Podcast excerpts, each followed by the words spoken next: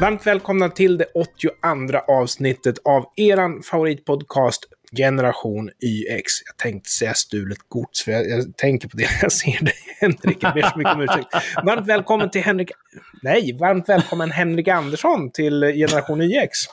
Tack så mycket. Det har vi hört Vill du börja om från början? Nej, jag, jag får duga. Vet du, man kan inte skämma bort lyssnarna med att hålla för hög kvalitet. Utan de måste nej, nej, jag är sig. gäst.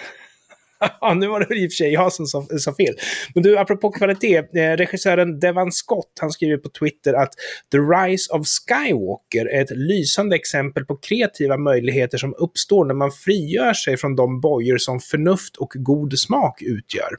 Så jag måste fråga dig, har, eh, har du hängt med ända till slutet i den riktiga niologin, eller vad det heter, med Stjärnornas krig, eller? Uh, the, the Skywalker Saga. Mm. Som den kallas. Eh, jo, det har jag absolut. Och jag måste säga att Rise of Skywalker är ett lysande exempel på vad som händer när man inte planerar framåt. Okej, Eh. var det jobbiga delar att få ihop rent storymässigt eller? Det som hände var ju att du hade ju episod 7 då, Force Awakens. Mm. Eh, Där JJ Abrams tog över. Och så gjorde han en, en film som, eh, som var jättekul att titta på. Och sen när man tänkte efter lite så tänkte man så här, vänta, det här är ju faktiskt episod 4 igen. Liksom samma struktur alltihopa. Och sen så lämnar man då över till, eh, vad hette han nu då? Ja, de bytte Ryan regissör. Ja. Ja. Och när han gjorde då episod 8, The Last Jedi, Mm. så gjorde ju han vad han ville med storyn. ja. Och tänkte att det får väl ni lösa i episod 9. Det... Så han tog ju allting åt jättekonstiga håll för vad de andra kanske hade tänkt sig. Så när man då skulle göra episod 9 då, eh, Rise of Skywalker, så bara shit, vi måste knyta ihop allt Ah. det här som han har ställt till för oss. Plus att man, att man har jättekonstiga dumma idéer själva.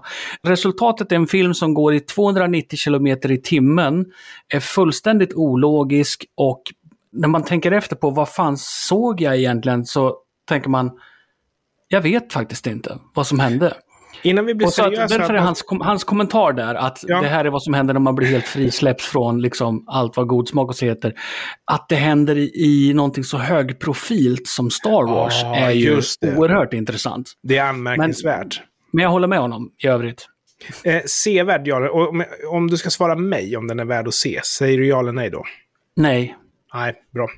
Jag har nog... Jag gav upp efter att del 1 släpptes på 90-talet, ska jag säga. Mm, men uh, The Mandalorian, den serien, den rekommenderar jag. Helt Okej, så det, det finns sånt som Star Wars gör som faktiskt är bra. Mm, absolut. Sen vet vi också sedan gammalt att på vänstersidan i svensk politik så är man neutral. Och eh, på högersidan i svensk politik så har man varit lite mer NATO-vänlig. Men vet du om att vi har verkligen kommit in i ett paradigmskifte här därför att nu är det, om man tittar på de rödgröna partierna, en majoritet Nej, inte en majoritet, men fler som säger ja till ett NATO-medlemskap än nej till ett NATO-medlemskap. Och den här neutraliteten, den ser inte jag personligen som någonting som är odelat positivt. Och jag tänker naturligtvis på andra världskriget. Jag menar, vi kunde ju inte sätta oss upp emot Tyskland, vi var helt utblotta efter finska kriget där vi hade liksom ingen annan, inget annat att göra än att vara neutrala. Men Nej. med facit i hand så var ju inte det den mest hedervärda ställningstagandet man kunde ta i andra världskriget. Och nu är vi här igen. Nu har vi levt med det där så länge så vi har liksom vant oss vid att neutralitet är bra. Men till och med de på vänstersidan är fler för NATO än mot. Vad säger du? Ja, först och främst vill jag ju säga det här att visst, eh, vi säger ju att vi var neutrala i andra världskriget. Eh, I den bemärkelsen att vi la oss inte i. Nej, precis. Men vi var ju inte neutrala i det att vi lät ju ändå nazisterna tåga genom Sverige. Därför att den som inte tar ställning har ju på något sätt skuld också, skulle jag säga. Ja, absolut. Och, och nu, om vi nu ska prata NATO, jag känner ju personligen att vi kanske inte har behövt NATO i och med att vi har varit neutrala och att vi inte blir inblandade i konflikter och så vidare. Men nu när Putin säger Mm. att Finland och Sverige får inte gå med i NATO, då tänker jag du kanske har en plan för oss. Och då kanske det är bäst för oss att gå med i NATO? Jag delar din uppfattning till 100 procent. Jag, mm. jag, är helt, eh, helt med på den linjen.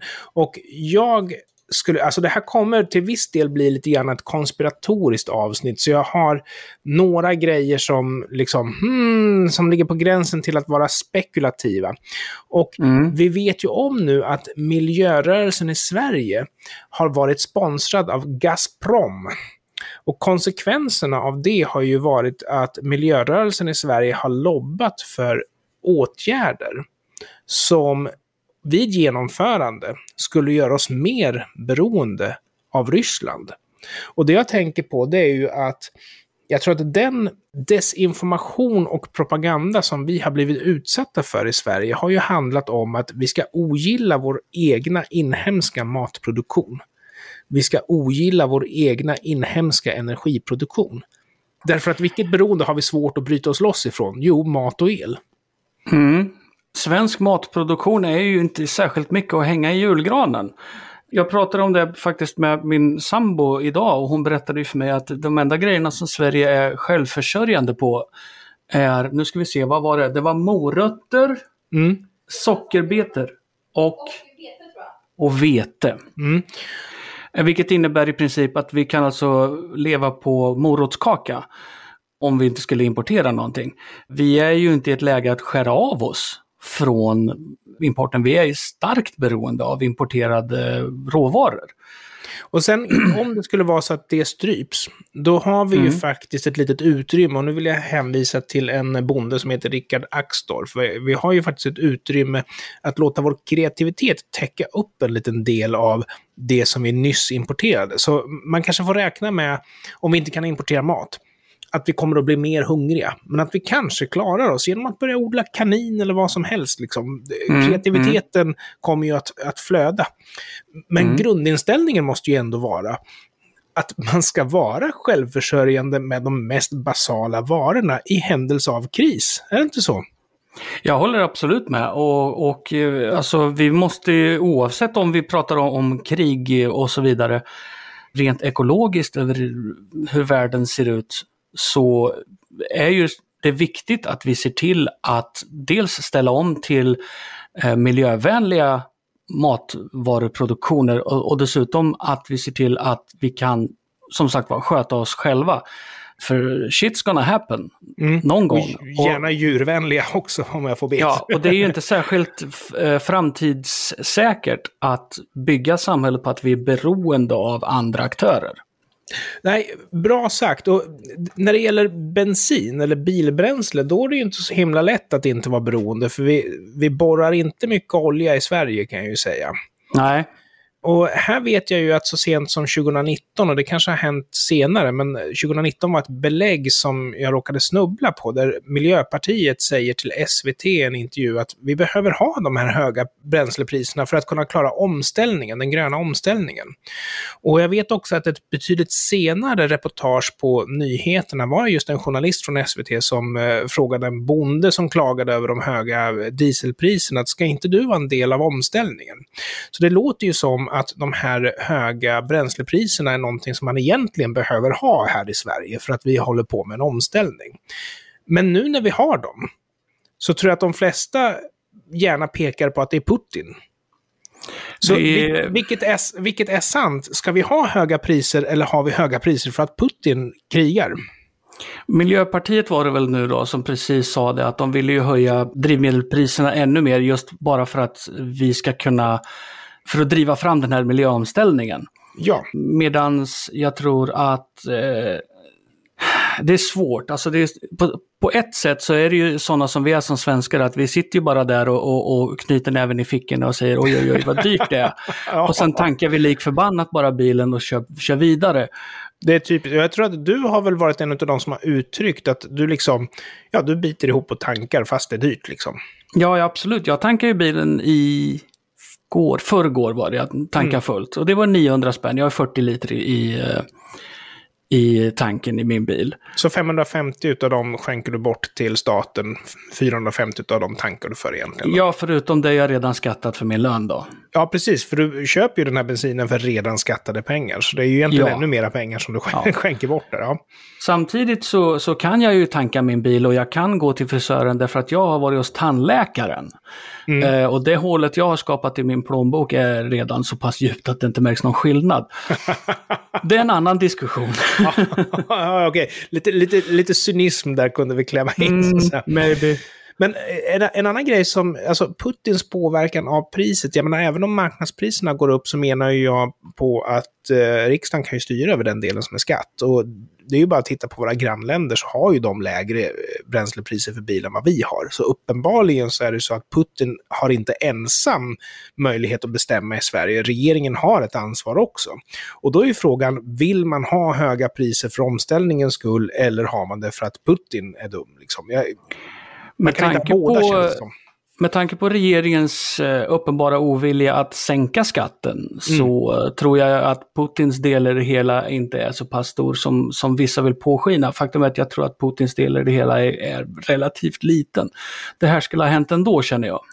Och, och För att det så började ju, re- började ju och, och, och eh, skena redan innan Ukraina-krisen. Ja, det har du rätt i. Och dessutom är det ju så att den enda delen av priset som Putin någonsin skulle kunna kontrollera eller påverka, det är ju just marknadspriset genom att till exempel ja, minska tillgången på något sätt.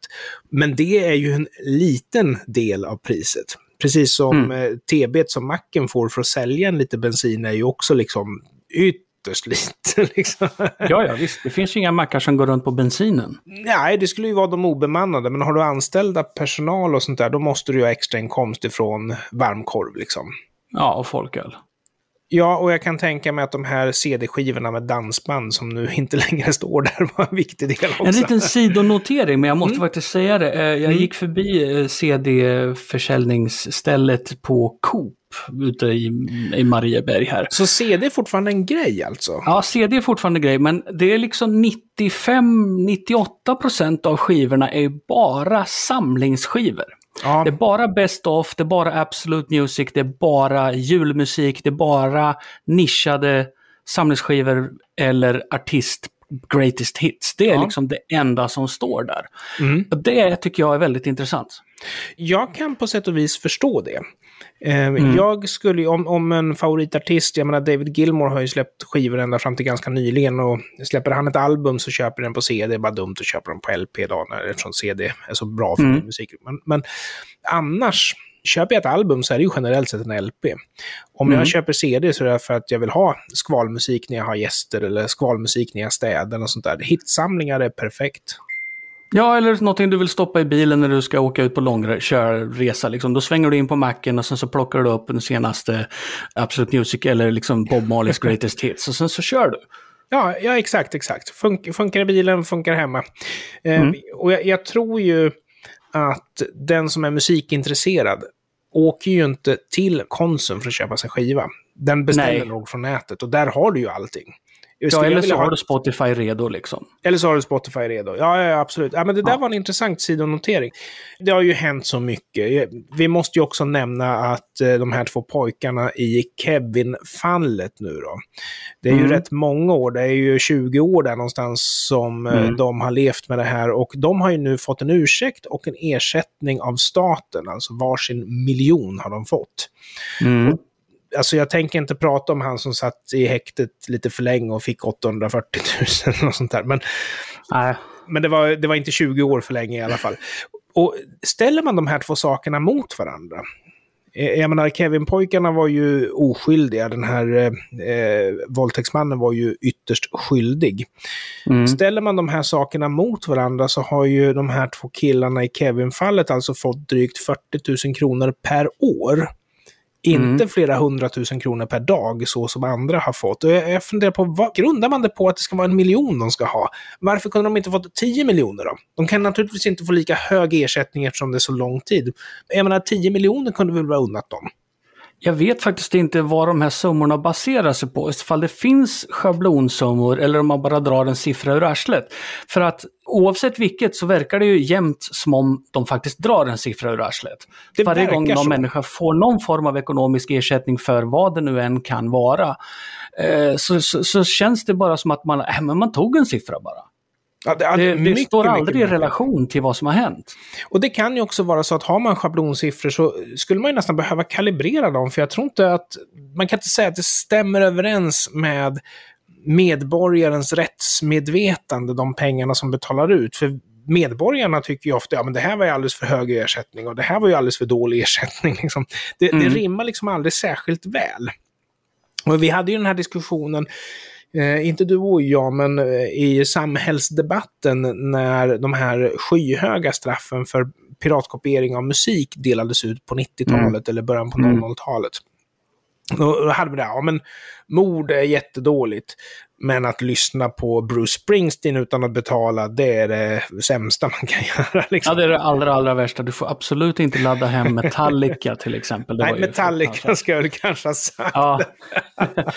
eh, nej, men och sen har du ju den där, eh, var det inte en Åsa-Nisse-film? Mm, När de försökte göra någon, någon comeback där med Kjell Bergqvist och, ja. eh, och det. Eh, och den, nu var det väl någon som snodde en kopia efter vad jag förstår och släppte Ja. den på nätet så här dagen innan den kom på bio eller någonting. Den gick jättedåligt på bio, eh, men den vart ju jättemycket nedladdad från Pirate och så vidare. Och då så pekade de ju och sa att ja, men det, piratkopieringen förstörde våran liksom så. Medan alla som har sett filmen vet att nej, det är för att filmen är total jävla dynga. Och de pengarna som de, jag vet inte om de fick pengar, men de pengarna de åtminstone ville ha för den här piratkopieringsbiten skulle ju med råge ha överskridit vad de hade möjligen alls kunnat tjäna på att den hade gått bra på bio. Mm. På det sättet är det ju väldigt ekonomiskt att gå efter piratkopierare för att man ska kunna ta igen det som man inte kunde med sin usla produkt. Men Mm. eh, det, det är också sådana här siffror som är, känns tagna helt ur luften bara. Och jag förnekar ju inte då, eftersom jag menar, de som eh, snodde filmen och la ut den på nätet har ju saboterat möjligheten för dem att sälja biobiljetter. Det förnekar jag inte. Ja, Men åtminstone till ett visst kundsegment, ja. Ja, åtminstone till ett visst kundsegment. Men proportionen i hur stor den skadan är. Och här vill Mm. jag ju rekommendera för alla som inte har sett eh, ett TED-talk som heter Copyright Math. Jag tror det är Rob Reed som eh, har den. Copyright Mm. Math ska man söka på på YouTube. Och just det här att eh, en eh, MP3-spelare med tio piratkopierade låtar liksom är värd hur mycket som helst enligt eh, Mm. Antikopieringsrörelsen. Ja, nej, det Vi kan finns ju ingen dra in kassettskatten i det hela också, men det ska vi väl inte göra. Och den, har vi, den lever vi alltså med fortfarande. Mm. Beteendet som ungdomar har, att köpa en MP3-spelare och kopiera CD-skivor av varandra ner på den, är tydligen ett stort problem fortfarande. Ja, jag vet Jag faktiskt tror det inte, men- Ärligt talat, jag vet inte hur jag ens får in piratkopierad musik i min telefon. Jag vet faktiskt inte. Nej, jag har ingen aning. Jag ska faktiskt säga att jag har eh, kvar en gammal MP3-spelare som jag använder när jag ska lyssna på... Jag lyssnar sällan på musik, därför att jag har ingen aning om hur, telefonen funkar. Det är massa appar och grejer. MP3-spelaren har sina knappar. Välkommen till Pensionärspodden! Ja, men hur ska jag veta hur det funkar? Men alltså, det, det här som jag tänker ta upp nu, det är Mm. nästan på gränsen till att vi är elaka mot ett par personer. Men det här är auktoriteter i samhället, de får tåla det. Mm. Och eh, backar vi nu några år så hade vi ju krig i Syrien. Idag har vi krig i Ukraina på grund av att Ryssland har eh, invaderat. De här personerna som jag ska ta upp nu, de har uttalat sig som privatpersoner på Twitter. Den ena är en SVT-journalist som heter Elaf Ali som skriver citat. Jag vet skillnaden på invasion och inbördeskrig och det hänvisar de till att det var en annan situation i Syrien, men det var ju krig lik förbaskat. Men vad är skillnaden för de utsatta medborgarna? Vad är skillnaden för SL, alltså Stockholms länstrafik? Varför får de med ukrainska pass åka gratis 2022, men inte de med syriska pass 2015? Det var den ena. Sen har vi en Mm. skådespelare som heter Evin Ahmad. Hon var med i bland annat eh, Snabba Cash. Synd att mina släktingar som flydde från kriget eh, från Syrien, kriget i Syrien antar jag, inte hade ukrainskt pass. Förstår ni hur sjukt det här är? Och sen så länkar de till en artikel som säger att i Stockholm får ukrainare åka gratis buss. Och då är ju mm. frågan, jag kan ha respekt för att vi har eh, så att säga, tagit hand om syrier för dåligt. Men de här människorna var ju små när, när de flydde. De kan ju inte ha en aning om det faktum att många syrier fick åka buss gratis. Och dessutom undrar jag varför är eh, kärleksbeviset att, att svensken omfamnar dig som flykting, varför sitter det i busskortet? Det är att busskortet är gratis. Jag menar, det finns ju mycket annat man kan... Jag, jag ja, förstår alltså det känns lite som en... Det känns som en liten non-issue, därför att jag tycker att man inte nödvändigtvis har behövt ge ukrainska flyktingar busskort. Det, det känner inte jag är nödvändigt.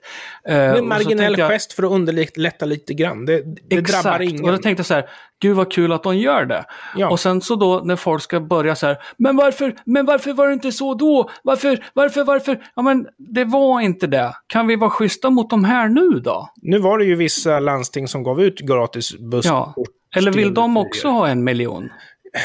Vi fick inget, vi fick inget busskort när vi flydde från Syrien. Eh, Ge mig en miljon, eller vad är det, ska de också ha en siffra tagen ur arslet? Alltså, jag, jag, jag, jag vet att jag överdriver och att jag, att jag är du har helt, dum jag och elak. Du har helt rätt. Därför att jag, jag Men det är rätt. Ukrainarna har andra saker att tänka på. Kan man underlätta någonting för dem så fine. Faktum är att jag menar, väldigt många ukrainare som söker sig hit kommer ju dessutom inte att få asyl ens.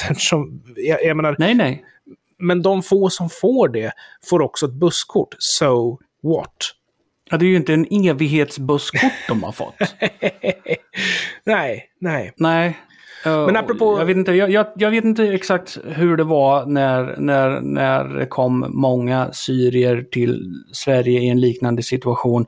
Om de har fått samma liksom, stöd från allmänheten som ukrainarna har fått nu med alla dessa insamlingar som har gått enormt bra och så vidare. Det, jag, jag, kan inte svara på det. Men jag tycker att de förtjänar det, både syrier och ukrainare gör ja. det.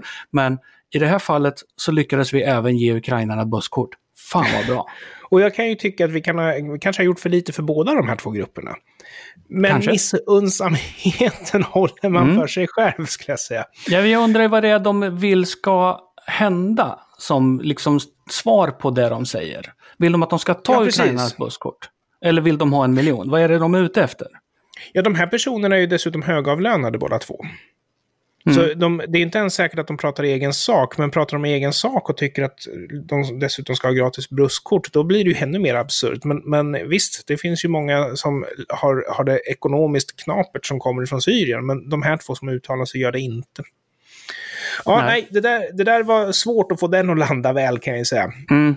Och eh, någonting annat som har med evigheten att göra, det är ju att nu har vi ju äntligen fått preliminär statistik för vad som händer i Svenska kyrkan. Ett av mina favoritämnen. Så jag faktiskt ja, inne på deras hemsida ganska ofta och tittar när den officiella, färdiga, kompletta statistiken ska komma ut. Men det jag Vågar läser de verkligen är... själva posta det? Ja, Vågar de verkligen de själva har... posta ut den informationen? För att det, det är ju de... aldrig något positivt de kan säga om det. Ja, för mig är det ju väldigt positivt. Men, men de har ju ja, alltså det, en, en del i sitt uppdrag är ju, som de förvisso har tilldelat sig själva, är ju att tillhandahålla den här statistiken. Då. Och vi hade alltså 70 000 aktiva utträden under 2021, vilket är alltså en ökning med 15 000 sedan 2020. Och vi hade det är jättemycket. Vi hade aktiva inträden också och det är 11 000. Det är förvisso också en ökning, men det är en ökning med 3 000 jämfört med 2020. Så det betyder mm. alltså att vi har lite fler som aktivt går med i kyrkan, många fler som aktivt går ur. Mm. Och sen har vi också, eh, innan vi vet då eh, vad det här gör för antalet medlemmar, så ska man ju komma ihåg att man kan ju passivt gå in och passivt gå ur Svenska kyrkan. Att passivt gå med i Svenska kyrkan, det är ju när en förmyndare kan ju skriva in dig som medlem. Mm. Utan att du vet om det ens. Mm. Det är och, skumt. ja, och ett eh, exempel på passivt utträde, det skulle till exempel kunna vara att dö. Och det sker ja. ju också. Svenska kyrkans medlemmar tenderar att dö i högre utsträckning än eh, befolkningen i övrigt faktiskt. Så det kan ha med snittålder att göra, sådana här saker. Ja, det var väl det jag tänkte säga då. Eh, det har väl kanske att göra med att de som har varit i Svenska kyrkan under lång tid blir väl äldre och äldre och eh, anledningen till att den siffran utträden ökar är väl för att de dör av. Ja, fast det skulle ju vara de passiva. Men det här, det här var ju de som aktivt valde att gå ur. Och det är ju alltså de som aktivt kontaktar kyrkan och ber okay, om ah, okay. Det är ganska ja, imponerande att det är 70 000 alltså. Ja, så det är, det, det är ännu fler som har lämnat ändå. Det, eftersom jag sa att vi skulle vara konspiratoriska så kan jag ju faktiskt gå ut med en eh, grej som jag har noterat, eller jag har inte noterat det, jag har sett att andra har noterat det och jag har kollat upp det. Ryska influencers på TikTok, mm. de försvarar invasionen av Ukraina. Med samma ordval, mm. sinsemellan. Ja, jag har sett det här jag också. Frågan är, uh. är det så att regeringen, den ryska regeringen, köper influencers för att säga det här budskapet? Eller är det så att de är så pass patriotiska så att när regeringen tipsar om att så här kan det säga så bara gör de det? Uh, jag tror att det kan vara en kombination. Eh, för med tanke på hur intresserade den ryska eh, regeringen är av att kontrollera media eh, så insåg de nog att att stoppa stoppa ungdomar som TikTokar rakt ifrån sina mobiltelefoner är i princip omöjligt. Mm. Eh, då kan vi kanske guida dem åt rätt håll. Sen är ju många av de här stora influencers och stora YouTubers och så vidare, så är det ju världen över. De har ju liksom jag höll på att säga handlers, det var inte riktigt rätt, men eh, till exempel på YouTube så har du ju liksom din YouTube, eh, höll på att säga kamrat, men någon som du liksom jobbar direkt mot YouTube med som kan föreslå si och föreslå så, ah. hjälpa dig och, och så mm. vidare. Eh, och jag tänker att eh, det finns säkert någon form av TikTok-managers i Ryssland mm. som, eh, som kanske lyder under vissa regler och så får de ett papper med lite meningar på och säger att det här kanske ni skulle kunna säga. Men de, jag... har ju också, de har ju också en kontroll på medborgarnas lojalitet. För det var ju någon, något rykte som spreds här om att eh, polisen stoppar random ungdomar på gatan mm. i Ryssland och kollar igenom deras telefon så att man vet att de är regimvänliga liksom.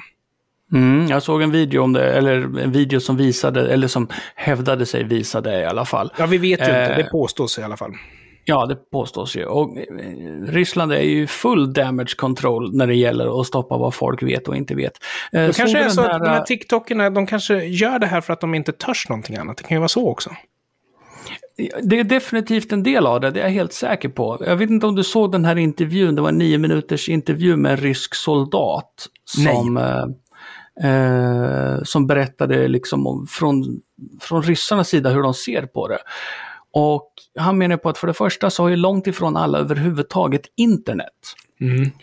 Så du har ju liksom ingenting annat att gå på än liksom brusiga tv-utsändningar som säger saker och vad radio säger. Du vet ju liksom ingenting annat. Och fri media uh, har du ju inte i Ryssland. Utan det är ju nej, nej, absolut inte. Och, och, och i och med den här, den här senaste lagändringen då att man inte får ljuga i Ryssland med, med risk om 15 års fängelse, ja då finns det ju definitivt eh, ingen som kommer att våga säga någonting som står utanför. Därför att i Ryssland är det ju så att du hamnar i fängelse om ja. du gör sådana saker. Det kan mycket väl vara sant det här vi har pratat om alltså. Ja, ja absolut. Och de har ju fängslat, eh, senaste siffran tror jag så var 12 000 människor för att de demonstrerar. Mm. Ja. Eh, hur får de ens plats med dem? ja, ja, ja nej, så jag, jag, jag, är inte alls tveksam till att de här influenserna antingen faktiskt tror på det de säger eller gör det för att de helt enkelt är rädda för att hamna i fängelse för att det är en verklighet. En vecka är ju en lång tid i det här sammanhanget, så det ska bli spännande att se vilket tillstånd det är i världen då.